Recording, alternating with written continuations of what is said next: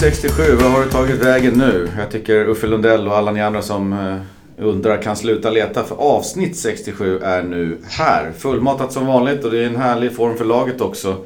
Eh, känner du dig i lika stark form eh, Niklas? Ja, det får man väl börja säga. Så det börjar bli lite vår. Eh, laget Valencia går bättre. Det är liksom är mycket avgörande faser här nu. Det känns bara på de här kommande en, två veckorna känns det egentligen som eh, mycket kan avgöras och nästan hela säsongen kan avgöras det på säga. Men då får vi väl inte glömma bort att vad som än händer här nu så har vi hela tiden den här Copa del Rey-finalen som liksom en...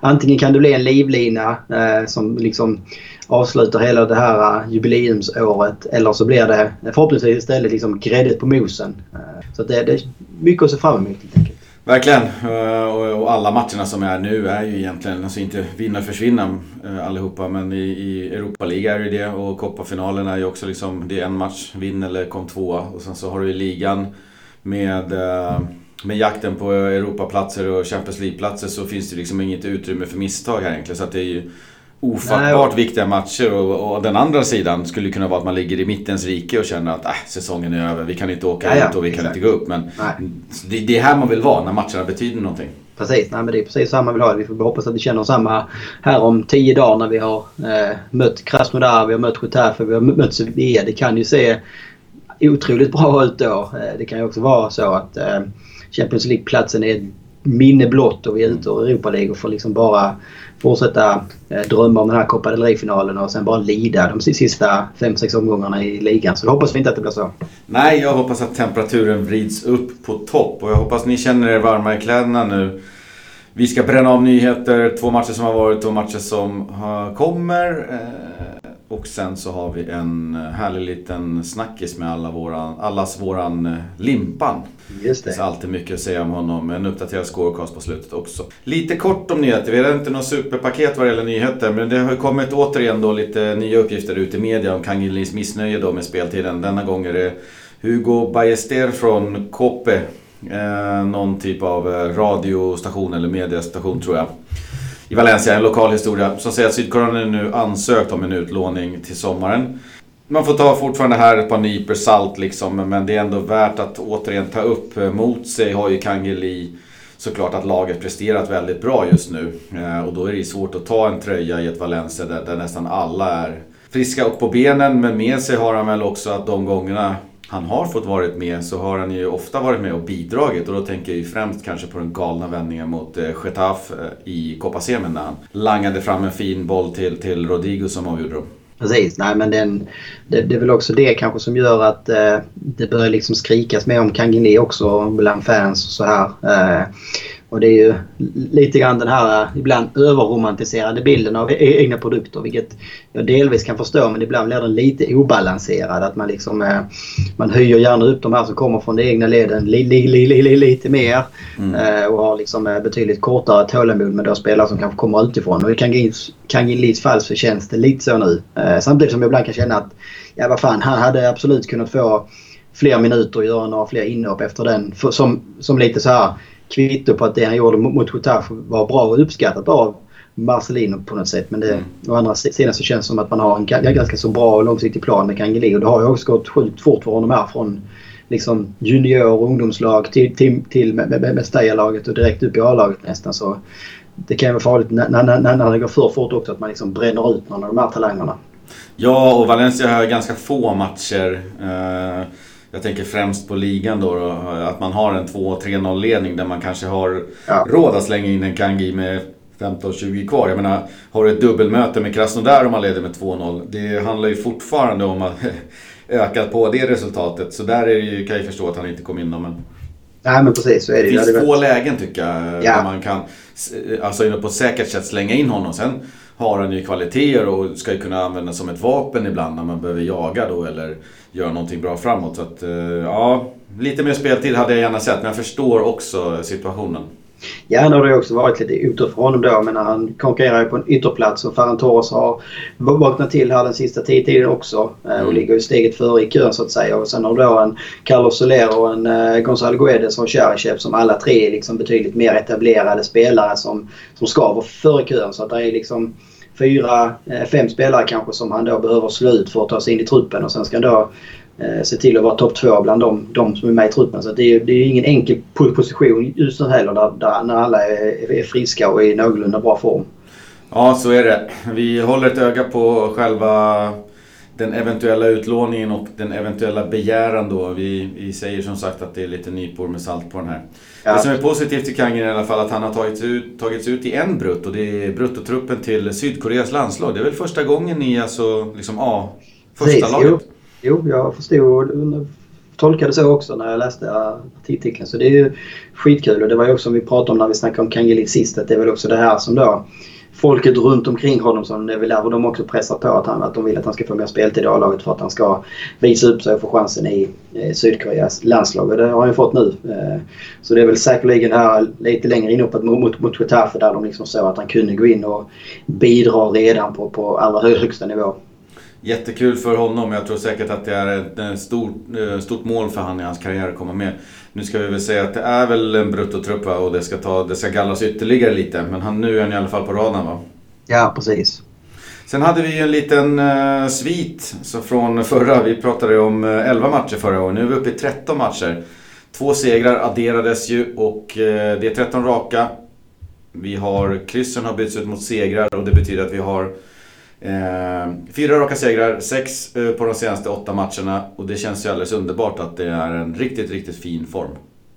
Absolut. Helt plötsligt så är det liksom lite mer positiva sviter vi kan prata om igen i höstas. Så var det mer negativa sviter. Vi har pratat om den här eh, kryssjukan så att säga och det är väl fortfarande så att man kan slå eh, La Liga-rekord där. Eh, men det, det, det, känns som att eh, än så länge har ju 19 blivit så pass bra som vi hoppades. Vi pratade ju så här lite naivt kanske så försökte vi drömma om att denna säsongen skulle bli tvärtom förra. Att vi hade en tung höst och att sen våren skulle liksom lyfta och bli, bli, bli bra. Eh, och det ser ut som, som det skulle kunna bli så att den här våren blir fantastiskt bra. Eh, I bästa fall menar vi är kvar i, i, i, i två kupor och krigar fortfarande i allra högsta grad om att komma topp fyra i ligan. Ja, verkligen. Jag, jag, tycker det är en enorm glädje nu. Det är riktigt, riktigt kul att slå på matcherna. Eh, sen ska vi väl säga att i den där 13 raka utan förlust så var det ju väldigt krysstungt i början då. Så det är nu på ja. slutet som segrarna börjar trilla in. Så är det ju.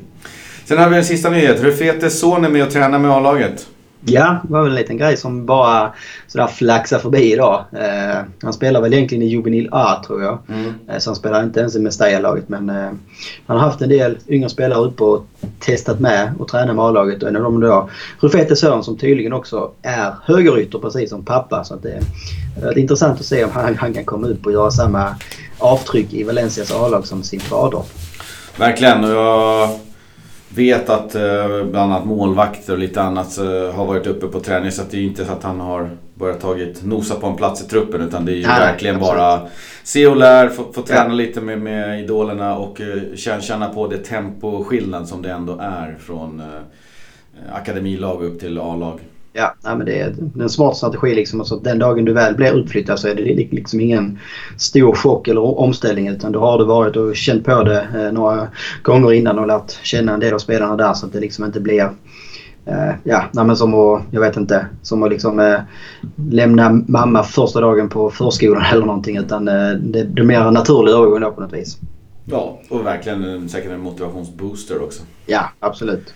Men de senaste matcherna det var nyheterna där. Eh, vi lägger väl ut någonting i sådana fall på Valencia-podden på Twitter där om det dyker upp någonting eh, riktigt härligt och häftigt. Eh, men annars så kikar vi på de senaste matcherna och då hade vi ju Valencia-Krasnodar 2-1. Vi hade ju Rodrigo där med ett par baljer va.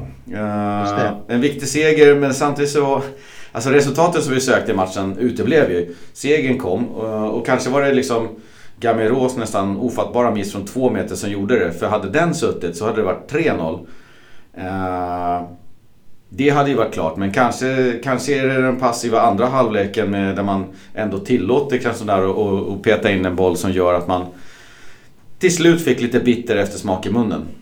Ja men det tyckte jag absolut. Alltså, det kändes ju som att man började första halvlek låg man ju alltså, helt perfekt kändes det som. Och man mm. fick då 2-0 eh, och det kändes liksom som att nej, det här kan ju Valencia avgöra på hemmaplan. Man kan liksom skicka med, med Mestalla till Ryssland nästan eller i alla fall rotera grovt vilket då hade varit välkommet eftersom vi vet vilket schema som väntar. Men mm. sen istället så blir andra halvlek, om det är lika bra så första halvlek var lika dålig var ju andra halvlek. Och konstigt att man kan ha sån taskig inställning och släppa in Krasnodar. Alltså, man blir inte riktigt klok på det här laget denna säsongen faktiskt. Att det kan svänga så snabbt. Nej, det var verkligen en match med två ansikten. Det var ju total dominans i första och en blek i andra. Kan man tänka sig kanske att Marcelino gick för att stänga 2-0 där eller är det liksom en, en prestationsdipp liksom? Ja, oavsett så är det nog konstigt alltså att så många spelare alltså inställningsmässigt dippar så. Då måste ju ändå känt spelarna på planen liksom att man har, man har det här i sina egna händer. Alltså istället för att slå av på takten. Varför kör man inte bara på? Du hade inte behövt köra på i 90 minuter kanske utan kör på i 70-75, går fram till 3, kanske 4-0. Ja men sen är ju Krasnodar, alltså det är ju, det är ju färdigt då för dem. Då, då, då kommer de ju bara liksom vilja gå och vänta på slutsignal. Då hade man kunnat liksom få en skön resa eh, till, till 90 minuter och sen åka till Ryssland då och mer eller mindre bara spela av det på något sätt. Så jag vet inte. Det är, det är klart att Marcelino han är ju liksom ytterst ansvarig. Det är han som gör bytena och det är han som liksom ändrar taktiken och ska se till att spelarna håller samma eh, peppnivå på något sätt ute på planen. Men eh, jag tycker också att det ligger en hel del på spelarna. Man får inte, det, får, det, får inte, det får inte vara så stor skillnad på två halvlekar. Alltså att, eh, att man ibland har bättre och sämre dagar det går väl liksom att acceptera eller respektera i alla fall. Men att det i matcher är så här stora svängningar det, det tycker inte jag är acceptabelt på, på proffsspelare så att säga.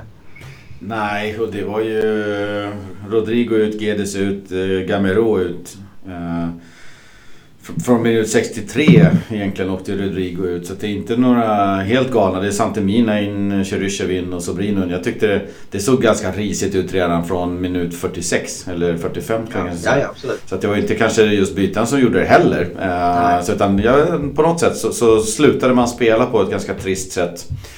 Uh, men om man ska ta med sig någonting positivt så var det ju Rodrigo två baljer igen. Nu är han ju inne i en härlig målform.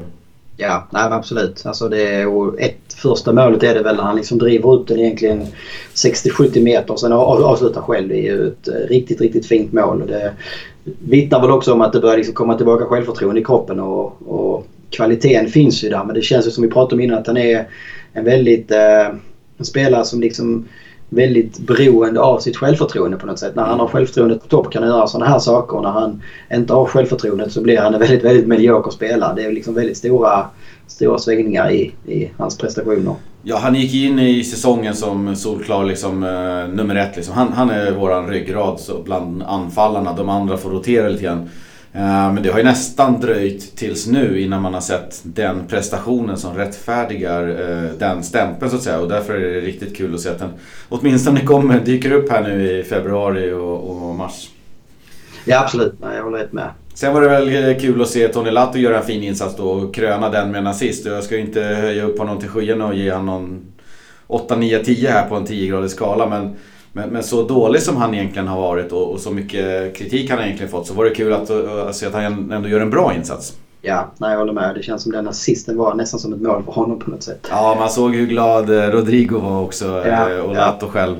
Eh, jag tror att de känner till att han har haft lite tufft och sådär. Så sen, sen tycker jag att han skötte sig rätt bra genom matchen också. Helt okej. Okay. Ja, nej, absolut. Men det blev, på något sätt blev det också tydligt liksom alltså vilken vilka begränsade spelare som Santimina och Ruben Sobrino kanske framförallt är. Så man, man tar ut Gamero och, och Rodrigo och byter anfallspart rakt av. När Sobrino och Mina spelar tillsammans så alltså det håller inte ens La Liga-nivå ska säga. Så Sobrinos värvning är väl en av de mest misslyckade eh, kan jag tycka. För det är oerhört begränsade spelare. Jag fattar inte riktigt vad man ser där. Det känns som att man hellre kunde ta upp någon, någon yngre spelare eller eh, spela då med, med Guedes som anfallare eller Kangin som anfallare eller Färn som anfallare. För jag, tycker, jag vet inte vad han egentligen tillför. Alltså, han är ju löpstark och han kämpar och sådär men det är alltså tekniskt sett så är det liksom så långt ifrån att hålla på den här nivån tycker jag. Eh, och tillsammans med, med Santimina som inte heller är liksom den smarta spelaren. Santimina kan ju funka bra med en Rodrigo och en Gamero som är lite smartare sidan om sig och han håller sig inne i boxen och hugger på lägena där. Men spelar tillsammans med Sobrino då blir det ju oerhört utlöst faktiskt. Nej, känslan är ju att om du, om du har en, en Santimina bredvid en Rodrigo och så har du en Soler i form och en Gedes i form och en Parejo centralt med Gondogbia till exempel bredvid, då har du ju folk med, med leverans framåt och då är ju Santemina en, eh, en utmärkt eh, striker slash eh, sniper som liksom som petar in, kan göra massa baljer men Men, men behöver man liksom ha en Cheryscher på ena kanten och kanske en Soler ur form och en Sobrino bredvid sig. Då, då, då blir ju leveransen till Santemina mycket mindre och då får han ju springa och jaga bollar och försöka hitta på någonting själv. Och där kanske inte hans största styrka ligger. Nej, nej precis. Sen hade vi väl som vanligt fem härliga saker som du tar med dig från eh, Krasnodar-matchen. Ja, vi kan väl riva några av dem har vi nu redan varit inne på. Mm. Första punkten som jag hade det var väl det, lite grann som jag sa från början att det kändes som man hade det här dubbelmötet i sina händer. Men man lät det slinka ur. Mm. Alltså att det här skulle man bara, bara gått fram och dödat och gjort 3-0. Eh, och inte släppt in mål. Nu är helt plötsligt 2-1. Det är liksom... Eh, ja, det är fortfarande fördel Valencia framförallt eftersom vi vet hur oerhört svåra Valencia har varit att besegra denna säsongen så är det ju ändå fortfarande liksom bra väldigt bra möjligheter att ta sig vidare här. Men det känns som att man gjorde det lite onödigt svårt och man bjöd liksom in Krasnodar i det här dubbelmötet helt i onödan. Man kommer nog, kan, jag, jag, tror att man kommer att behöva göra ett mål eh, i Ryssland för att eh, ta det här. För då räcker det med 1-0, 1-1 eh, och 2-1 ger förlängning. Men gör man inget mål så, så då måste man komma undan med 0-0 och det är jag lite osäker på om man gör. Ja, nej men alltså samtidigt så det kändes ju inte heller som Krasnodar skrämde liksom. Alltså de är Nej. ett helt, helt okej dugligt lag liksom. I andra halvlek när de får lite tid och när Valencia liksom släpper in dem så ser man att det finns kvalitet där. Men för första halvlek så såg man ju också att Valencia liksom en normal dag är klasser bättre. Eh, och eh, det här ska man kunna städa av. Ja, verkligen. Punkt nummer två. Eh, tålamodet med Guedes. Eh, han hade ingen bra match här. Nu, nu blir det ju lite konstigt eftersom vi summerar två matcher på rad. Men mm. eh, Mestalla-publiken börjar liksom eh, tappa tålamodet med Gonzalo Guedes som varit en kelgris får man väl ändå säga. Eh, nu blir han utbytt här hyfsat tidigt i andra halvlek. Vilket kanske delvis var för han inte hade en bra dag men också för att vila honom såklart. Och då kunde man ju för första gången höra lite busvisslingar och man såg ju sen också Guedes på bänken nästan i, i, liksom i, i tårar. Jag kan väl anta att det var delar av liksom besvikelse själv på sig själv på sin egen insats men också liksom av att höra publikens liksom reaktioner på något sätt. Och det bygger vidare på det som du pratade om förra veckan efter dina observationer på plats så att säga. Ja exakt, jag vet inte om jag misstolkades där att jag var en av de som buade. Det var absolut inte jag. Jag gillar Gede skarpt och, och ger honom många fler matcher. Men eh, den, den trogna Mestalla säsongskortsgubbe-publiken. Det var, där var det många som, som stod upp och var lite irriterade på Gede. Så det kanske man hade all rätt att vara just efter Krasnodar-matchen. Jag såg att han i Plazan fick en trea av tio och, och jag kan aldrig dra mig till minnes att jag sett ett så lågt betyg. Så att, eh, ja, tur att vi kommer till Girona-matchen snart. Ja, precis. Eh, punkt tre jag Rodrigo. Vi var inne på det också kort här innan. Men det känns ju verkligen som 2019 har ju börjat väldigt mm. bra från hans sida. Det var lite grann kanske den här straffmissen i januari mot Valladolid på hemmaplan som blev vändningen på något sätt. Det var liksom, det var botten. Det blev aldrig mörkare eller sämre än så. Det var en otroligt usel straff som också då kostade oss poäng. Eh, efter det så har han gjort nio mål här på en och en halv månad. Eh, och mot Krasnodar så var det ju ett drömmål. Och känns ju väldigt het igen på något sätt. Och kanske är det också då läge att casha in på Rodrigo i sommar. Ja, vi får se. Det, det lär bli en uh, snackis både en, två, tre gånger vem som är den som, som Valencia kan kränga. För att någon, någon måste gå nu och det är väl uh, Rodrigo, Gaia och uh, möjligtvis Soler då som är de hetaste snackisarna. Och Rodrigo, mm, möjligtvis ja. att det är dags. Ja, det enda emot det är väl liksom att det känns inte...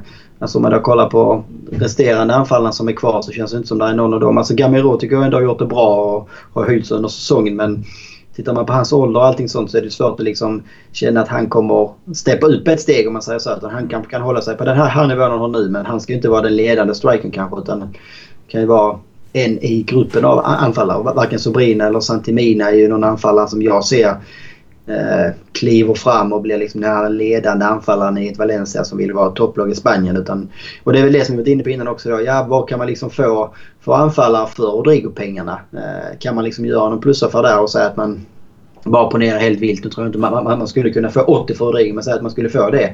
Men kan man, vad, vad, vad får du i så fall om du använder 50 av dem till en ny anfallare? Mm. Ja, 80 tror jag är lite mycket men man kanske kan få 50 och jag vet att Valencia behöver ju nu få in pengar.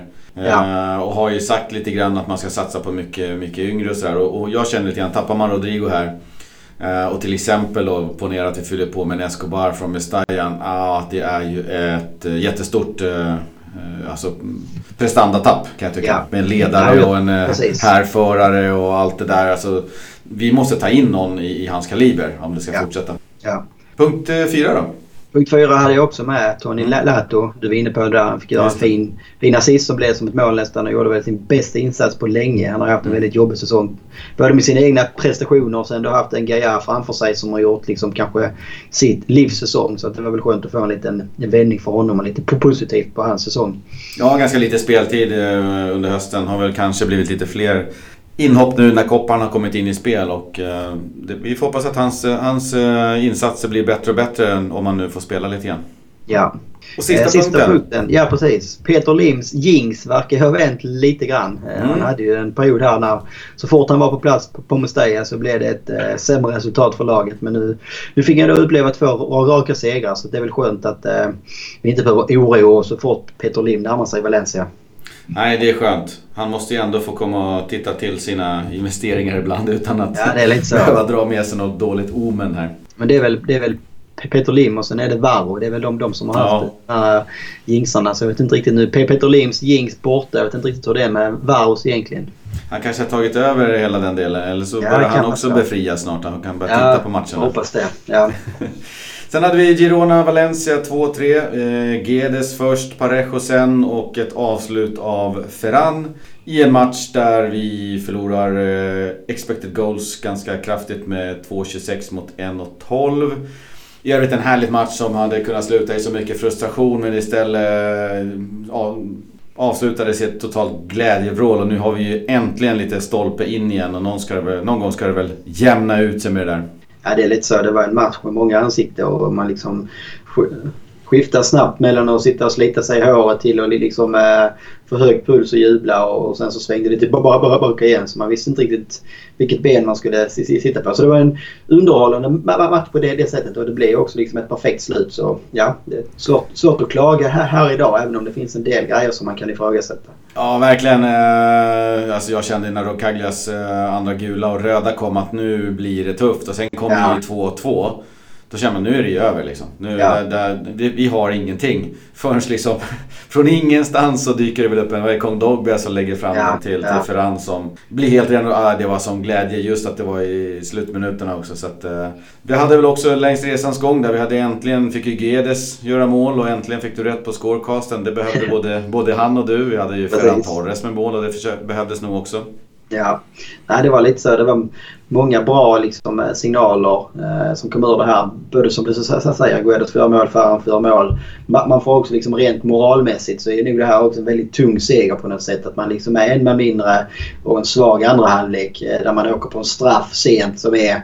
Ja, alltså det är inte så att den är helt feldömd men den är, den är ju ja, kanske inte 50-50 heller den är tuff i alla fall. Den är, den är, det är tufft och det är alltid tufft att få en straff mot sig. Eh, du är en man mindre, du får en straff mot dig då i 83-84 minuten och så är det 2-2 och så är det ett kryss igen. Och, eh, man har bytt, bytt ut i stort sett alla anfallsspelare och liksom mm. bara ska spela på den här 2-1-ledningen.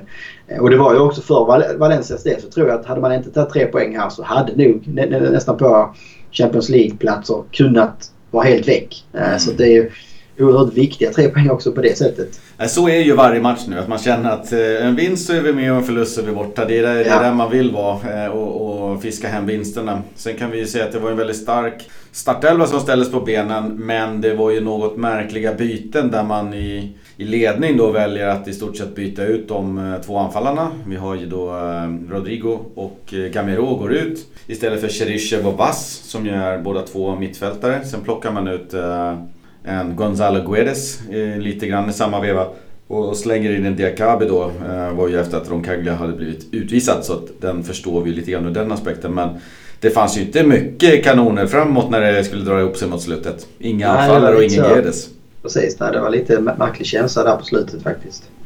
Så att jag vet inte. Han har säkert sina, sina anledningar till att göra de valen. Eh, men sen hade väl Diakabi då. Det finns ju mycket där men han har ju en del misstag som kostar och så kan man ju tolka själv om man tycker att den här straffen är ett misstag. Jag, jag är inne på samma spår som dig att alltså den är tufft dömd. Men jag har, den är inte fullständigt uppåt väggarna när man ser reprisen från inte från det hållet där bollen slås utan från, från motsatt håll så ser man ju att armarna rör sig lite grann åt det hållet eh, och så vidare. Så man, jag, jag, förstår varför de tar den men jag håller inte riktigt med om att det ska vara straff. Jag trodde att de skulle fria på den. Ja, nej men det är ju alltså, jag vet inte alltså, vi har varit inne på det innan att vi ty kan tycka att regelboken är ganska tydlig mm. med hans och där men det som inte är tydligt är ju liksom att även fast det finns en regelbok så finns det ändå tusen tolkningar på regelboken på något sätt. Det är det här med avstånd och naturlig eh, rörelse eller naturligt läge på armen och allt det där och många av de grejerna eh, talar egentligen kanske då i Diakabis fördel i det här fallet. Mm. Sen å andra sidan så är det ju ganska klantigt. Alltså, han behöver ju inte flaxa med armarna på det sättet där. Eh, och det är lite typiskt en Diakabi också i det läget. Liksom, att han är lite klumpig där och valpig på något sätt. Ja, eh, onödigt läge att eh, vara ute och flaxa med armarna om man säger så. Men otur också att han får den emot sig. Eh, vi går väl in på eh, lite fem saker från matchen. Ja, första punkten skulle vilja vara lite karma. Det känns mm. som eh, vi har haft en säsong där oturen grinat oss i ansiktet och det har väl både varit eh, självförvållat så att säga. Så ofta förtjänar man ju tur och, och förtjänar väl otur också om man säger mm. så. Men en av de värsta otursmatchen om man nu kan säga så. Det var väl kanske hemmaförlusten mot just Girona. Eh, så på det sättet så kändes det som det var lite karma efter den förlusten på, på Mestalla. När vi då med en man mindre, inga anfallare på plan, en straff mot oss sent. Ändå är det liksom Valencia som har 3-2 på övertid. Och, ja, åtta segrar och fem kryss som vi var inne på innan på de 13 senaste. Så de man ett bra facit framåt och lite stolpe in igen. Ja, riktigt skönt. Uh, kändes lite oförtjänt i, där och då när Girona tryckte på för en 3-2 till och med. Och så, så hittade vi det där läget från ingenstans och fantastiskt att Ferran får peta in den. Ja. Punkt nummer två då? Punkt nummer två, Rodrigo Guedes. Den här lilla kombinationen eller vad man ska kalla det. Förra säsongen var de ju kanske, ja, några i alla fall av ligans mest produktiva spelare tillsammans. Eh, mm. Och eh, vår vassaste anfallsduo börjar allt mer kombinera tillsammans och se fina ut igen. Eh, Guedes mål var ju fantastiskt vackert hela vägen fram till avslutet. Och det avslutades då med fina kombinationer mellan, mellan Guedes och Rodrigo som spelar fram. Mm. Så det, det, ser väl lovande ut att det här liksom som man visade upp och skämde bort, bort oss med i fjol kanske återigen kan, kan börja eh, blomstra under våren. Ja, så är det. Det var en ganska lång artikel i Super idag om eh, Guedes om att han, han har länge spelat skadad och han är inte 100% i form än. Vi har ju sett eh, lite tendenser på att det, det, den gamla fina Guedes som vi, som, som vi så gärna vill se, att det finns där. Men vi har också sett ganska tydligt att han har en bit kvar till formen. Eh, man menar ju på nu att han har fortfarande lite lite, inte rehab då, men lite match, eh, matchträning och timing och sånt att göra innan han är i 100% form. Eh, och då var det riktigt kul att se det avslutet och den löpningen och den, hans delaktighet i det anfallet är ju, är ju av det snittet som vi vill se från Gredes. Ja, han hade något annat bra skott också. Där jag satt och mm. tänkte att nej, äntligen så träffar han mål. Är där målvakten räddar men tappar den bakåt och sen så rensas det på mållinjen. Så det, känns, det kändes verkligen som det här liksom var det är precis det som Guedes behövde. Han fick göra ett då fint men lite ja, enkelt mål är det ju inte men det är ändå liksom en enkel säker bredsida. Mm. och utöver det så börjar han ju skapa lägen och, och börjar få lite självförtroende igen och framförallt då som vi var inne på innan här Krasnodar som kanske då var förhoppningsvis hans bottenmark och vändning så var det precis det här som man vill se inför då den otroligt viktiga och spännande våren som kommer framåt med viktiga matcher i stort sett var tredje, fjärde dag så behöver vi ha en... Guedes kan ju vara liksom en spelare som är tunga på vågen i vilken jämn match som helst. Nu ser jag eh, långväg att den här trudelutten vänder ner på moll igen om vi går ner på punkt 3. Ja, det var lite försvarsspelet vid fasta situationer skrev upp där. Eh, och det kan, kan kännas lite hårt att kritisera försvarsspelet på ett sätt eftersom att vi har släppt in väldigt få mål. Men mm. man, man, måste ändå kunna jobba. Även om no, no, no, någonting är bra så måste man mm. ändå kunna försöka göra det ännu bättre på något sätt. Ja, verkligen. Och jag, jag, tycker att det känns som att vi återigen släpper vi in enkelt mål på fast situation. I det här fallet så känns det kanske som en kombination av svag markering och tycker jag i detta fallet också faktiskt svagt ingripande av Netto som måste kunna gå ut och störa mer i det läget i alla fall. Den är så pass nära målet att, han, att, att bara att han kommer ut där kommer ju skrämma eh, eh, Girona-backen eh, i det fallet. Så det, det känns också som alltså, känns som de målen som Valencia släpper in så är det 90% antingen på straff eller så är det liksom på sån här fast situation på nick. Eh, ja. Så det känns, och straff, ja det är, det, är, det är svårt att jobba bort att man åker på straffar mer än att man kan försöka vara lite mer polerad i straffområdet. Men de här uh, inläggsspelet så att säga, de borde man kunna jobba betydligt hårdare med för att minska ner den typen av mål.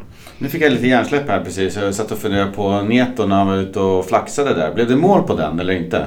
Nej. Nej exakt, han hade ju ett läge där han var ute och flaxade så tänkte han måste få solen i ögonen. Men han har solen i ryggen. Alltså han har skuggan framför sig. Så man ser att det finns ingen sol. Uh, han har skuggan rakt bakifrån. Så att, uh, det ser man på skuggan på planen. Eh, så Ja. det där är en jättefel timing bara.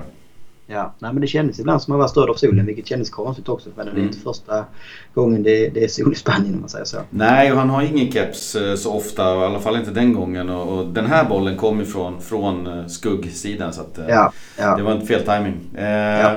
Nummer fyra där då? ja men var Jinx på alla som var ute och kommenterade bytena.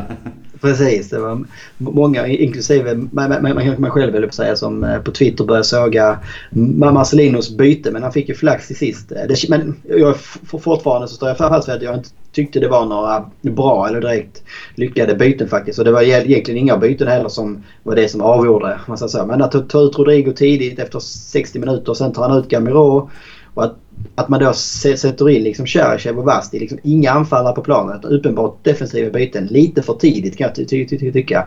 Uh, men det framkallar ju också flera andra positionsbyten. Alltså när du tar ut en anfallare så blir det plötsligt Guedes som skulle ut på, sen skulle Ferran ut på topp och så skulle någon flyttas runt. Och sen då när Roncaglia blev utvisad då, då, då, då försvann ju Guedes också. Och det känns liksom att nu har vi inget hot i offensiven kvar på planen. Men eh, uh, det var ju en viss Ferran Torres då som, uh, som fanns kvar och eh, som skulle visa sig helt avgörande.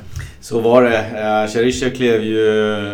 Jag vet att jag satt och pratade lite med Jocke på Whatsappen där. Eller han, vi undrade vad, vad, vad är det för uppställning här nu. Eh, klev ju upp och tog en eh, anfallsplats i 10, 6, 8, 10 minuter innan eh, utvisningen kom då. Så det var ju nästan regelrätt. nej, Cheryshev kom in 58, ja det var en kvart senare då. Han körde ju anfallare. Sen så var det ju att han fick kliva ner på, på Gedes position och det var ju Ferran ganska ensam anfallare där. Ja, men Så man, det såg man, konstigt ut. man trodde väl för att det har ju varit en hel del på slutet att uh, Guedes har fått spela an, an, anfallare. Att han liksom har gått upp och spelat i någon slags släpande roll där. Så det var väl det man trodde när Cherchev kom in att det skulle bli så. Men där blev det ju inte så. Det var väl mer när Vass kom in för Gamero då som det blev lite mer rockad i laget så att säga. Ja, en sista punkt då. Ja, den sista punkten är väl given. Eh, Ferran Torres såklart med ett stort Mm. utropstecken. Eh, väldigt viktigt mål som vi var inne på innan. Eh, de här tre poängen är det är liksom det som gör att den här, fr- från att det kanske skulle vara en mikroskopisk dröm om en CL-plats så är det helt plötsligt liksom liv i lu- luckan igen. Och den här eh, matchen mot eh, Getafe i helgen blev verkligen en final och vinna eller försvinna. Eh, och det kändes väldigt skönt ändå hur pass kall han höll sig när läget kom. Liksom. Mm. Det blir ett lite speciellt läge och han hinner ju säkert fundera på det en och två gånger där när han ser målvakten kommer och han bara rundar honom och kan lä- lä- lä- lä- lägga in i ett öppet mål. Det måste vara en rätt så härlig känsla för en spelare som Ferran Torres få göra ett så pass tungt mål. Väldigt väl tajmat mål. Han eh, tajmar ju löpningen perfekt vid, vid mittlinjen. Det finns ju en back som till och med upphäver offsiden med en meter. Men, men, men Ja. löpningen är väldigt väl tajmad. Eh, Och sen så tycker att han hinner fram perfekt. Eh, Passningen är också väl avvägd. Han hinner fram perfekt. Petar en perfekt långt också förbi målvakten för att få det där öppna läget från sidan. Och sen så är det ju lite precision att få få in den på mål eh, i maxlöpning. Det är ju någonting som man kan kräva av spelare på den här nivån. Men alla vet vi att ibland missas till och med de där lägena. Så att, eh, Ja, fint menar- mål av Ferran och fantastiskt Ja. kul att han fick göra det. Ja, och på övertid i det läget. Han hinner ju tänka att han vet hur viktigt det är och han är liksom trött och har sprungit 92 minuter och Mm. ändå så liksom håller han sig så, så pass kall och rullar in den. Eh, nej, det är imponerande faktiskt. Det är det. Eh, det var de matcherna. Vi tar en eh, liten jingel där. Då har vi Krasnodar i Ryssland borta för Valencia. Det är 18.55 eller 19.00. Jag har inte riktigt eh, lyckats ta reda på exakt vilken tid det är men det skiljer ju bara fem minuter mellan dem. Så sikta på 18.55 på torsdag så missar ni ingenting. Eh, och efter en seger hemma så räcker det ju nu som vi sa med kryss borta. Däremot blir ju Krasnodars mål på Mestalla en, en viktig faktor och ett Valencia-mål är att önska för att det ska gå bra i det här mötet. Vad har du för primära tankar?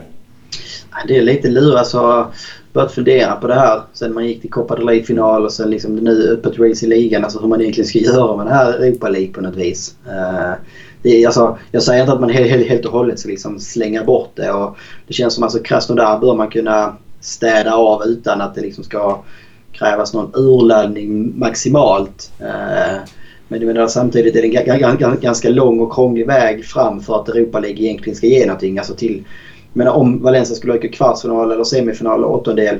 För mig är det lite skitsamma höll jag på att säga. Eh, ska, ska man ge Europa League chansen så ska man gå in för att ta sig till finalen. Eh, och frågan är om man liksom kommer kunna orka med och matcha eh, ligan och Europa League hela vägen fram här. Så att jag är lite sådär halvt kluven och än så länge ska jag faktiskt erkänna också att Europa League inte riktigt... Jag vet inte, det, det, det får inte igång mig på samma sätt som med de här... Nu har vi haft de här Copa del Rey, både semifinalmötena och då kvartsfinalen mot, mot, mot, mot Getafe som var så jäkla heta och som man verkligen liksom längtade och så fram emot. Men Europa League än så länge har inte riktigt gjort det med mig.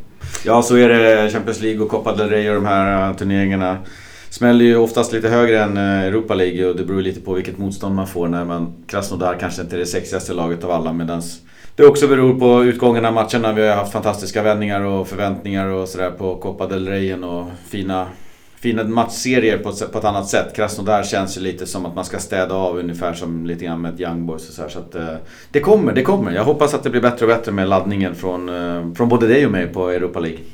Precis, det var ju som vi pratade om innan, det kan ju bli, skulle man ta sig till en kvartsfinal eh, så kan det ju bli väldigt intressanta matcher därifrån och framåt med många större och roligare lag kvar. Men det är väl också, ibland så känner jag lite om man nu behöver välja och prioritera här framåt eftersom nu har det ändå blivit så pass bra läge i ligan på något sätt och det är liksom ett Getafe som man slår som Champions League-plats. Det skulle ju... Det är klart, det, visst plåster på såren skulle det vara om man liksom efter säsongen står med en Copa del Rey-triumf eller en Europa League-triumf. Men eh, om de väl Valencia inte skulle göra det och Getafe spelar Champions League men inte Valencia så skulle det kännas som en misslyckad säsong faktiskt. Ja, verkligen. Marcelino fick ju lite exakt den frågan vad han skulle välja framgång i av de tre, eh, de tre eh, tävlingarna då. Och egentligen så tror jag att han räknade bort ligan, att man inte kan vinna den då. Och då valde han Europa League som eh, prio ett. För att det var väl cyniskt. Då får man nämligen en Champions League-plats och du får en pokal. Vinner du koppan så får du ju ingenting av dem. Nej. Nej, det är det. Alltså det, det. Jag hade egentligen köpt det också. Att man hade prioriterat Europa League före Copa del Rey på något sätt. Men nu när Copa del Rey... Precis, nu är man redan, redan färdig och man behöver inte tänka på det förrän allting annat är avslutat. Så nu, det blir aldrig verklighet liksom. Man behövde aldrig välja mellan Copa del Rey och Europa League utan de, de två tävlingarna lyckades man, man parera samtidigt. Men nu står det mellan tufft spelschema i ligan och eh, då förhoppningsvis en, ett kvartsfinalmöte efter det här mot, mot eh, Krasnodar. Sen så, ja, alltså jag, jag säger inte heller att får vi ett eh, Chelsea eller Napoli kvartsfinal så ska vi liksom lägga oss. Absolut inte. Det är klart att man ska för det. Men eh, bara man liksom är med, med, medveten om att det, det kan ju vara det som i slutändan gör att man kanske då bommar fjärdeplatsen i ligan och skulle det sluta med att man åker ut i semifinal i Europa League. Var det då värt det? Ja, det är klart. Det, det får vi väl, det får vi ta då kanske. Jag hoppas att, och, och, känner just nu att vi har en ganska stark trupp för att ta oss an den här våren. Det var därför vi värvade den här typen av spelare för att liksom ha ett riktigt starkt lag i det här skedet. Och så känns det nu när alla börjar komma tillbaka från skador. Så vi får, vi får hålla tummarna för att vi håller fanan uppe överallt. Ja. Sen hade vi ju, Valencia spelade på söndagen där mot eh, Girona. Eh, men ryssarna spelade faktiskt, eh, Krasnodar alltså, spelade hemma på måndag så de har en dags mindre vila då. Eh, en match där man faktiskt tappade en ledning i slutminuterna och nu är Krasnodar uppe i sex raka utan vinst. Och formen är faktiskt inte på topp, det är en hel del kryss och förluster där. Ja, nej, det såg man väl också alltså, i Valencia att de inte är riktigt... Man har inte riktigt självförtroende i spelet framförallt då i första halvlek när Valencia maler på. Sen så får man ju det här reduceringsmålet och då får man lite självförtroende och lite energi igen. Men mm. kan Valencia trycka hyfsat på, från början och kanske få det här målet eh, så förhoppningsvis så rinner den här eventuella energin som laget kanske har när man går in eh, bort hyfsat fort. Det är, väl det, det är väl det vi får hoppas på att Valencia... Och som jag sa, Valencia har ju inte mycket förluster. Framförallt inte det, de, de senaste tre, fyra månaderna här har vi varit oerhört svåra att besegra. Så det är väl, det är väl bara att hoppas igen att eh, för då andra gången den här säsongen så att säga. Om första gången var mot eh, Betis hemma så är detta väl andra gången som jag verkligen ber och bönar för ett kryss. Ja, så är det. Ett kryss skulle vara alldeles, alldeles eh, utmärkt i, i just den här matchen. Ja.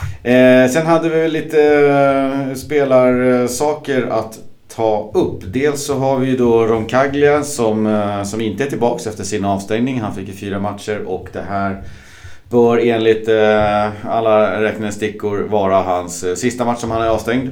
Eh, vi undrar ju alla vad han har gjort där, om det var mord eller... Ja, det börjar kännas så. Någonting. Eh, han är inte tillbaka. Kondogbe är tillbaka efter sin avstängning. Det så kallade av, eh, avsiktliga gula kortet. Eh, men däremot så har vi ju varken eh, Parejo eller Garay med i truppen och då har ju Garay eh, tränat lite i veckan ska vi säga. Precis, så jag undrar om inte Parejo är avstängd för det snackades mm. lite här eh, efter, om, eh, om om han också tog ett medvetet där i hemmamatch mot, eh, Krasnodar. För han ja, tog han tog ett kort där så att jag tror att han är avstängd. Eh, däremot så kände jag inte att det var medvetet så utan han hamnade väl tror jag lite grann på efterkälken. Och okay. eh, hängde tag i en spelare och förhindrade ett anfall och då är det ju svårt att hävda ja. medvetet då. Ja, nej, det är väl skönt. Det är bara så det började spekuleras. För det var ju då det stod, det stod fortfarande 2-0 då och det var väl ändå Valencia mm. på gång att kanske göra mer. Så det kanske hade varit förståeligt så att säga om, om man på ett sätt hade velat göra det. Men med tanke på Kondogbas situation så hade det kanske varit dumt att försöka sig på att åka på ytterligare avstängningar igen. Jag tror till och med att det var Kristoffer Olsson som slank iväg eh, lite sådär från Parejo. Och eh, Parejo ja. höll i hans tröja och arm och fick ett gult emot sig. Ja. Sen hade vi ju Kangelie med. Uh, vi har ju framåt Gamero, Rodrigo Santemina, Sobrino, inga konstigheter. Nej, och där har vi då en viktig, viktig match och eh, där har ni förutsättningar för Krasnodar borta på torsdag. Så kikar vi fram mot söndag då det är match igen och det är ju inte eh, vilka som helst som kommer på besök. Det är ju Getafe, såklart ett hatmöte efter säsongens bataljer och inte minst då Copa kvartsfinalen blev det då.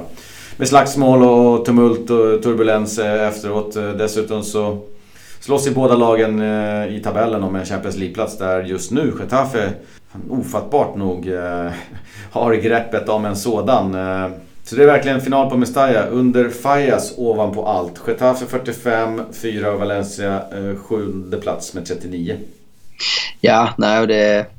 Alltså det är väl ett ett av kanske de mest oväntade hatmötena på något sätt, Valencia och Getafe. Det känns som man har egentligen ingen historik mot varandra och två klubbar som inte borde, borde ha så mycket hatmöte. Men det har ju liksom byggts upp. Egentligen kanske började väl lite grann redan i fjol där att det var ett par tuffa matcher där Getafe spelade på gränsen och eh, Valencia åkte väl på sin första förlust i fjol mot just Getafe för mig. Och sen har väl då lite beef mellan Bordalas och Marcelino byggt vidare på det och i år så blir ju liksom någon slags crescendo i de här Copa del Rey-matcherna. både liksom som det ser ut på planen och så som då själva avgörandet blir också när Valencia gör två mål på övertid och säkrar sin semifinalplats och sen scenerna efteråt och eh, både direkt efter slutsignalen med tumultet på planen och sen allt snack efteråt i media och sådär så är det ju verkligen... Och då lägg på alltså om man...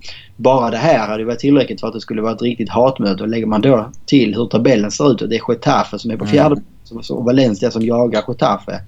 Eh, och då med ett Fajas med mycket folk på plats och vi vet ju att det är flera Che Scandinavia kompisar som kommer vara på plats. Så känns det som att det, det kommer verkligen koka på, på, på Messiah på söndag. Ja, verkligen. Eh, så kommer det vara. Eh, Valenciansk media med Super och, och, Plaza. De eh, eldar ju på med smädande artiklar om Getafes gnäll. Vi låter det vi låter det spelet ligga hos dem. Men, men, men, det är ju känslorna utanpå. Och noterbart här är att det är samma domare som dömer den här matchen som dömde Copa del Rey kvartsfinalen på Mestalla och då stävjade Getafes grisiga spel. Han, han kör igen och det tyder väl ändå på att spanska domarförbundet har eh, sett den matchen och tyckt att han agerade väldigt bra. Ja, men det är alltså... om Man försöker vara li, li, lite neutral så tycker jag ändå det är ett nästan på absurt beslut faktiskt. För att han fick oerhört mycket kritik från Getafe framförallt mm. efteråt. Eh, jag köper inte all, all deras kritik men det brukar ändå vara så att om det är någon som så uppenbart känner sig liksom förfördelade och man fick utvisningar och liksom det var övertidsminuter hit och dit som man liksom gnällde på.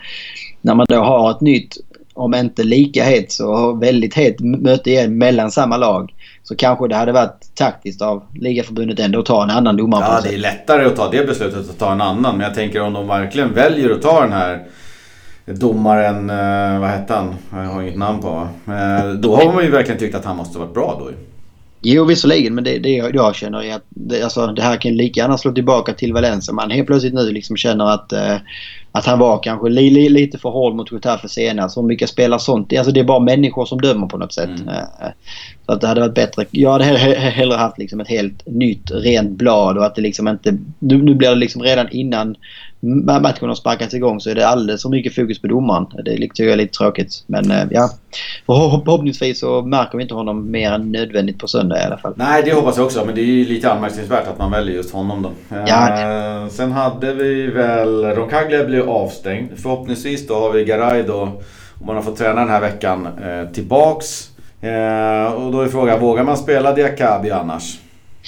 Ja, det är ju både som vi var inne på, hans inhopp här mot eh, Girona var ju inte så betryggande kanske. Och vi vet ju också att Diakabi var en av de som var liksom hetast i eh, i slagsmål eller vad vi ska kalla det efter mot Getafe. Och det mm. känns som att eh, det är många Getafe-spelare som skulle kunna vara med på och, och provocera honom. Och pallar han det trycket? Eh, det vet jag inte riktigt. Eh, det hade känts stabilare att ha en Garay där bak som liksom mer kan stå på och kan stå emot när de här eh, Getafe-spelarna försöker med sina tricks. Och är det någonstans Getafe faktiskt har eh, eh, kvalitet även fotbollsmässigt så är det ju offensiven med eh, Jaime Mata och eh, Roger Molina som har haft en fantastisk säsong i, i Getafes anfallsspel. Och, eh, så det gäller att man, har koll på defensiven och då hade jag gärna haft eh, General Garay som mittback.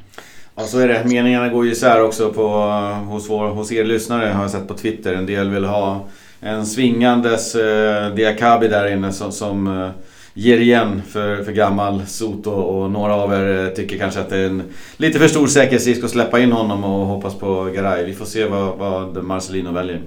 Ja, nej, men det kommer bli en oerhört intressant match och det blir också intressant att se här hur Marcelino ställer sig i Krasnodar-matchen på något sätt. Om han eh, kör mer rotationer där för att verkligen gå in för den här finalen på söndag eller hur uppställningen kommer att bli. Så är det. Parejo eh, vilar ju mot Krasnodar som vi var inne på. Eh, då lär det bli starkast möjliga lag som vanligt i, i La Liga. Eh, frågan är ju som sagt, vi har varit inne på det lite grann med, med prioriteringsordningen av ligan. Tror jag är ju nummer ett nu när Copa del Rey så att säga uppdraget är slutfört för tillfället. Eh, finalen är inte för om två och en halv månad. Så att, eh, det, den får man ju släppa. Där, där var det ju fullt eh, ställ på, på slutet. Men nu är det ju frågan Europa League eller ligan. Klarar man av båda? Och känslan är ju att ligan är lite den som prioriteras. Ja, framförallt nu när man då har Getafe på söndag och helgen efter har man Sevilla. Så alltså, det är ju två, två omgångar där du verkligen inte har råd att rotera eller tänka på någonting annat än att ställa ut det starkaste laget. Så att eh, de här två matcherna så hoppas jag verkligen har svårt att se någonting annat än att starkaste laget spelar och ingenting. Man tänker bara på en match i taget så att säga. Sen kanske det kommer komma matcher längre fram där man kommer behöva rotera en del. Eh, men ändå ska liksom kanske kunna ta tre poäng om man säger så.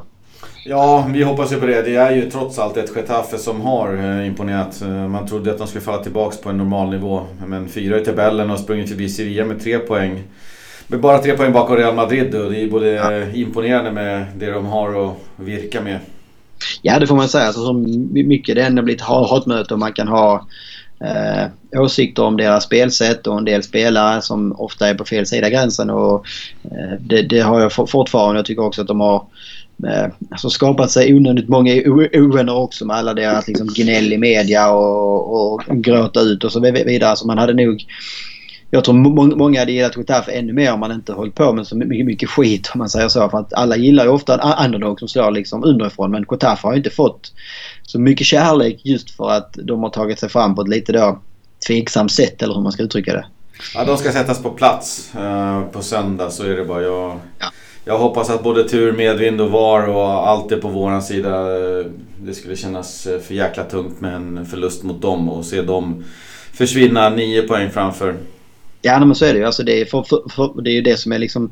Pressen är ju på Valencia. Det är Valencia som är sex poäng bara bakom Getafe. Getafe kan åka till, Mestalla, till och med kryssa och känna sig hyfsat nöjda med det. För då har man fortfarande liksom sex poäng ner och Valencia mm. som behöver jaga ikapp. Men en Getafe-seger skulle innebära nio poäng och då skulle jag nästan säga att det är hyfsat kört. För Getafe har ju bara ligan också att spela om och den här dippen som man hade kanske då väntat sig skulle komma och komma ner på någon normal nivå. Den verkar ju inte komma utan man, man, man liksom ser ut och krigar vidare. Liksom. Och Valencia och Sevilla är väl de som kommer att utmana in i det sista förhoppningsvis. Och båda de eh, är fortfarande kvar i Europa League också och kanske ser liksom större möjlighet att kunna nå en Champions League och vinna en titel där.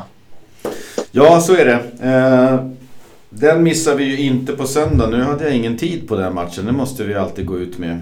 tror 18.30. 18.30. Perfekt, ja. du har koll. Vi tar jingel nummer två. Vi har ju sagt att vi måste ha någon jingel i mitten, lite mellanspel. Så vi jinglar där och sen så börjar vi snacka om uh, snackisen.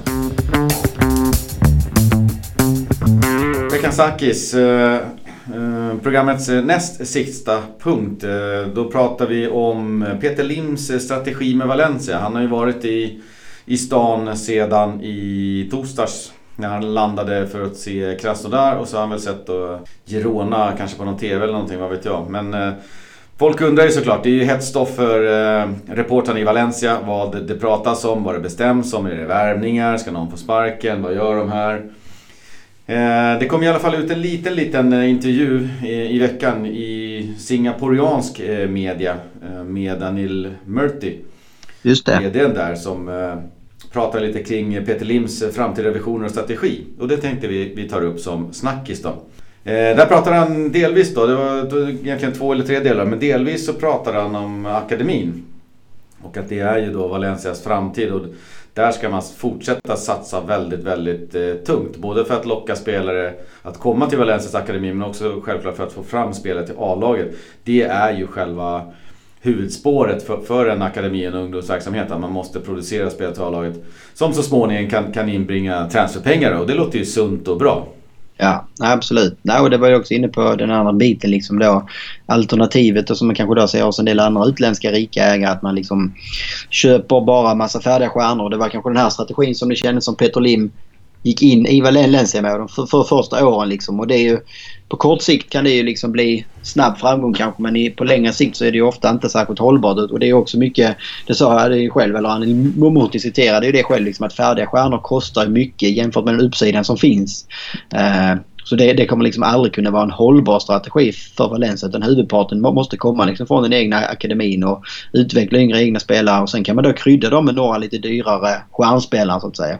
Man undrar lite hur, alltså Gedes är ju någonting eh, helt annat. Eh, det var ju en spelare som det pratades om att eh, Peter Lind blev kär i och bla bla bla. Och han, han är ju inte riktigt på samma sätt inblandad i akademier och den typen av grejer. Men det, jag tror att det, var en engångsgrej. Och sen så kom det här med Gamero där man ändå pungar ut eh, 16 miljoner på en gammal spelare. Så börjar man tänka efter med den leveransen som han hade i höstas. Så, eh, så kommer man ju ut egentligen eh, nu eh, i våras med och, och värvar, var det fem, sex spelare. Alla egentligen no names och inte för att vara elak men lite andra sortering. I alla fall jämfört med kanske Gedes och eh, Gamero ja. vad det gäller pris, prislappar då.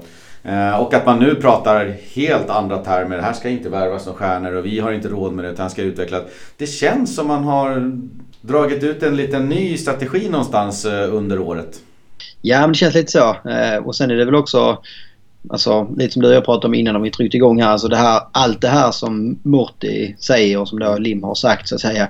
Det är ju väldigt publikfriande. Alltså det är lite populistiska åsikter på något sätt. Det är ju ingen valencianist som som tycker det här är fel på något sätt. Eh, nu återstår det att se liksom hur man agerar i verkligheten. För det är ju som, som du är inne på.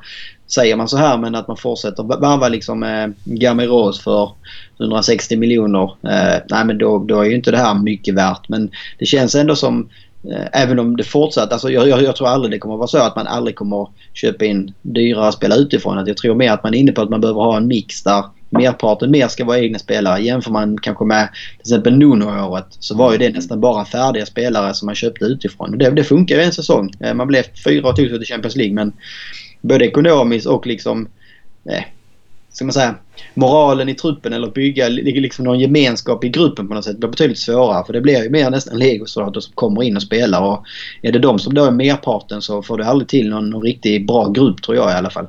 Nej, och det är alltid så. Eh, har man sagt rätt saker så, så blir inte det vatten värt om man inte sen går ut och gör rätt saker eller samma saker som man har sagt. Då. Nej. Uh, och sen så var det ju uh, ytterligare ett steg, eller en uh, riktigt bra spaning av den eminente Molo, 83 heter han va, på, på Twitter. om att Valencia har ju nu oerhört mycket spelare som man har i sin äga, ägo som man det ser ut som de inte riktigt är ämnade för A-laget utan man har en ganska stor eh, portfölj spelare som är utlånade. Eh, och det går ju eh, precis enligt så som Juventus har jobbat där då Paolo Longoria kommer ifrån och han har säkert haft bra insyn i hur den typen av verksamhet bedrivs. Så det kan ju också vara en en, en så att säga, utökning av den totala, jag vet inte om man ska kalla det för bruttotruppen då, eller spelare som man äger. För att göra affärer med eh, kanske Rastis då, som aldrig spelar i A-laget men, men man gör en vinstaffär på det bara. Ja, nej, men det är lite så. Många bäckar små liksom. Alltså kan man värva in ett stall med spelare och man gör några miljoner på många av dem och så kommer det alltid någon som man gör en lite större affär på. Ja men då, då kan det helt plötsligt finansiera andra spelare på något sätt. Sen så är det klart att det är också en viss risk i det att binda upp en massa kapital på spelare som man kanske egentligen aldrig tror själv ska spela i Valencia utan som bara är rent ekonomiska syften. Eh, men eh, ja, en kombination av det på något sätt kanske ändå kanske ändå kan vara framgångsrikt. Jag tror att det är väldigt modernt i många klubbar som Arsenal. Vi kan kolla på Chelsea och Manchester City bland annat som också har väldigt, väldigt stora spelartrupper eller kontrakterade spelare. Ja. Sen var det, det var väl ungefär det han var inne på lite grann. Han pratade lite grann om att det fanns en ekonomisk stabilitet, det finns en eh, social och en sportslig stabilitet i klubben på ett annat sätt nu. Uh, vilket såklart känns betryggande. Uh, det saknade, jag vet inte hur artikeln var vinklad egentligen i sin helhet då, men det saknades ju prat om Numenstaja, uh, eller kanske lite mer konkreta mål.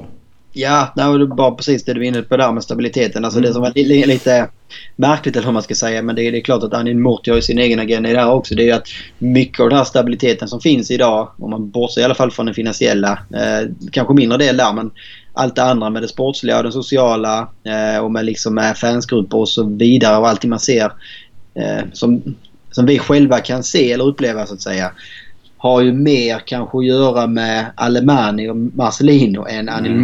Peter Lim. Eh, så det, jag tyckte det var lite konstigt att han inte lyfter fram åtminstone Alemani där som ändå varit den som liksom har städat upp på den sportsliga delen. Och det är ju det är den sportsliga framgången som på något sätt också då kan föda en finansiell framgång. Och en finansiell och sportslig framgång, ja men det, det kommer också föda en social framgång eller stabilitet. Eh, det går ju liksom inte du kan ju aldrig med pengar enbart köpa eh, sportslig eller social stabilitet utan det krävs liksom att du får med dig de andra också. Det är ju där Alemani, tycker jag, är den, den, den, den som kanske gjort det största jobbet där jämfört med vad Anil Morti har utrett. I alla fall det, det, det, det som man liksom ser och som kommer ut. Eh.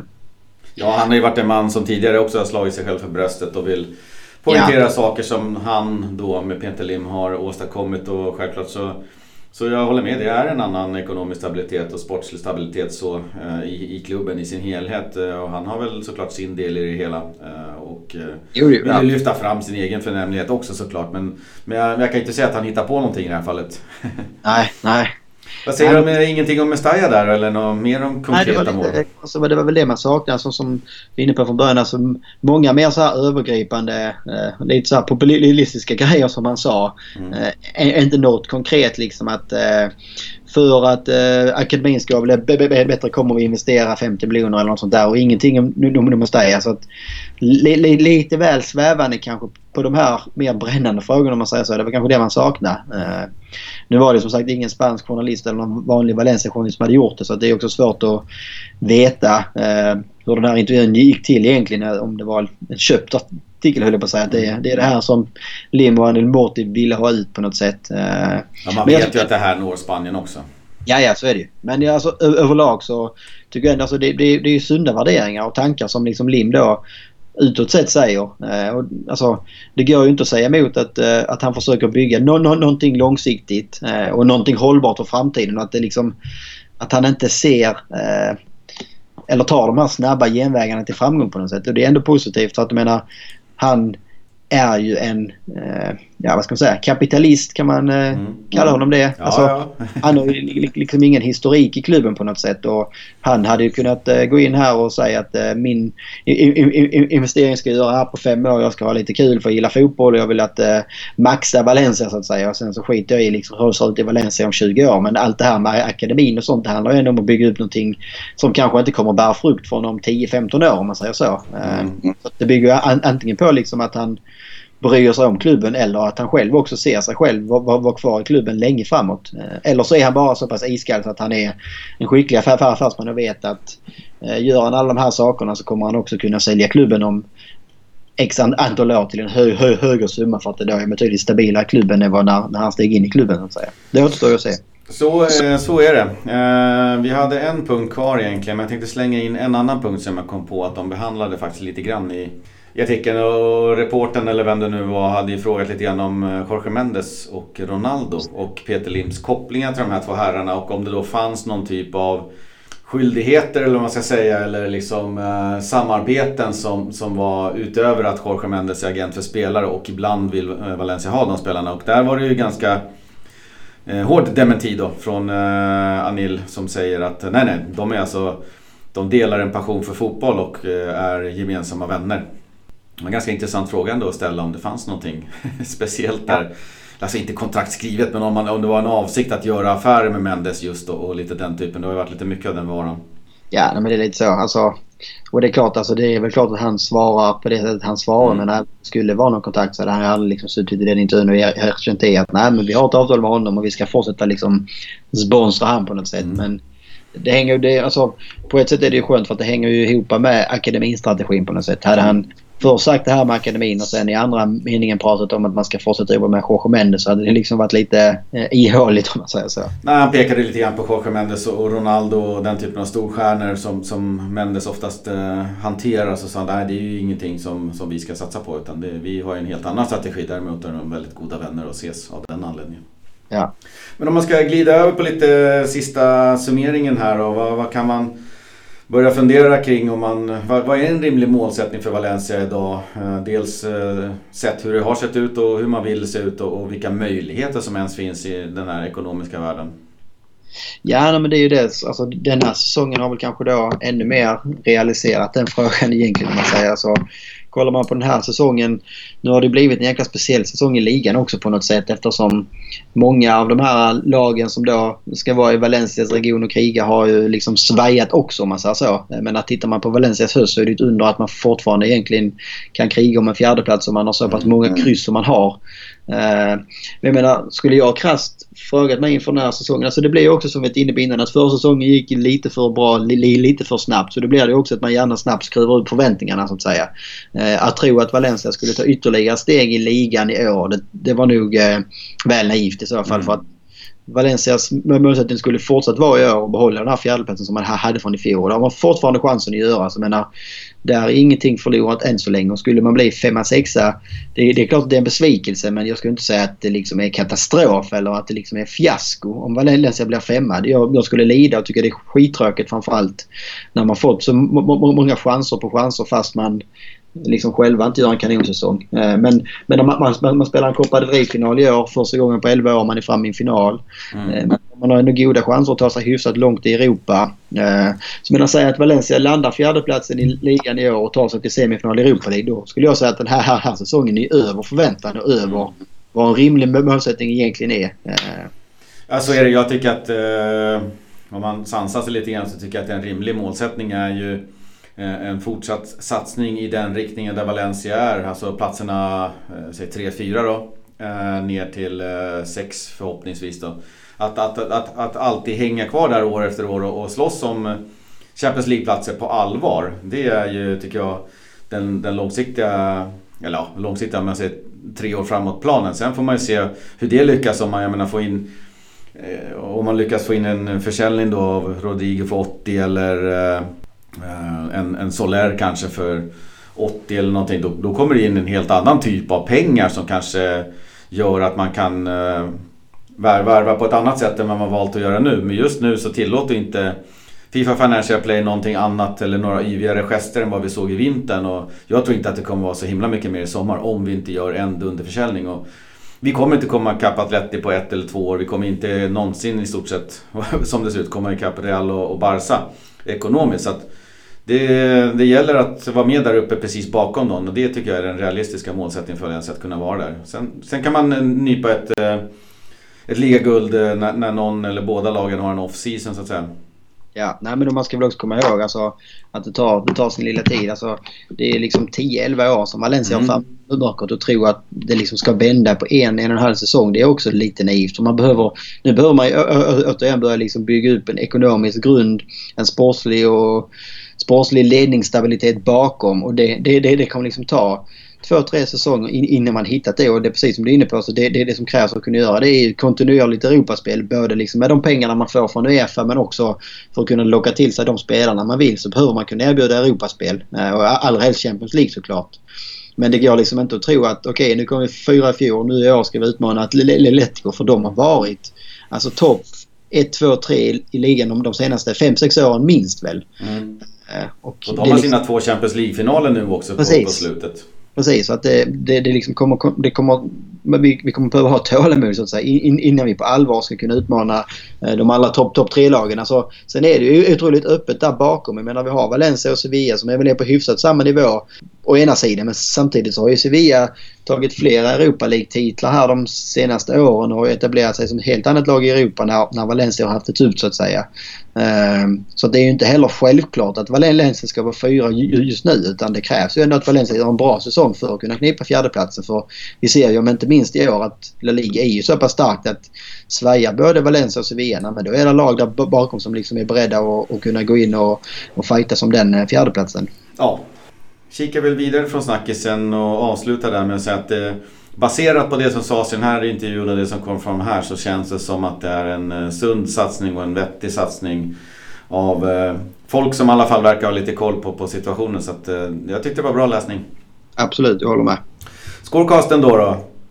Grattis till Guedes och, och seger. Två pinnar. Ja, det var riktigt skönt att äntligen få mitt Guedes-tips eh, utdelning och få se honom som första målskytt där. Eh, det var väl bara synd att man liksom inte kunde knipa en eh, fullpottare men, nej, men två, två poäng får man ändå vara nöjd med.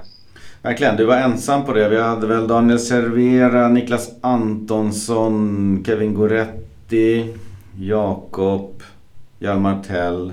Vi hade Jonas Hansson, Jocke Gidlund, Jens, jag och David och Lasse. Som gick med segrar. Vi hade ett par kryss också på Varro och eh, Egil. Där är Varro med igen och hjälper till.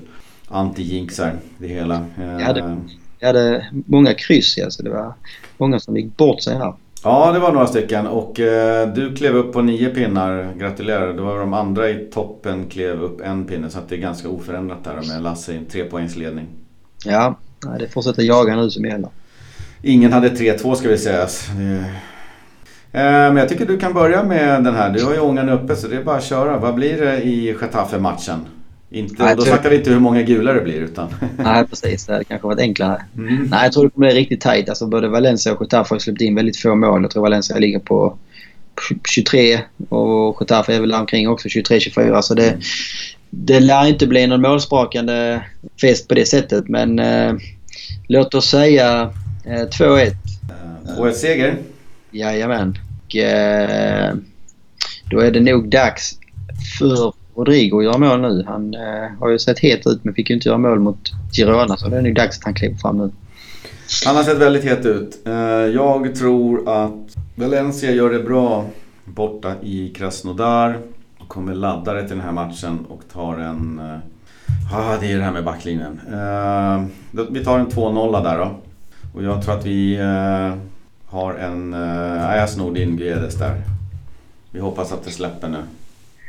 ja, man vet aldrig. 2-0 på mig med Guedes och 2-1 med dig på, eh, eller för dig med uh, Rodrigo som första målskytt. Och så hänger ni med oss. Vi hade en jäkla massa tippare förra gången. Ja. Det var jättekul. Ja. Uh, så får vi hoppas att det är nästan ännu fler nästa gång. Så hänger ni med oss på sociala medier. och skriver och ställer frågor och kommer. Vi har haft lite härliga frågor och eh, glada tillrop från eh, Norge och Danmark på slutet och det tackar vi jättemycket för. Det är kul att ni lyssnar. Just det. Men vi rundar väl av där med en Hasta luego. Hasta luego.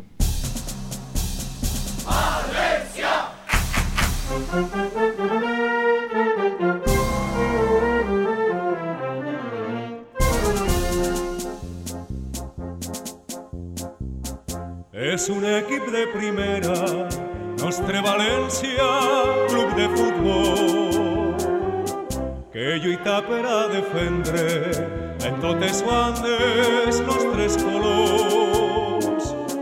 En el camp de l'Algirós ja començaren a demostrar que era una bona manera per a València representar. fiscal Valencia es el millón.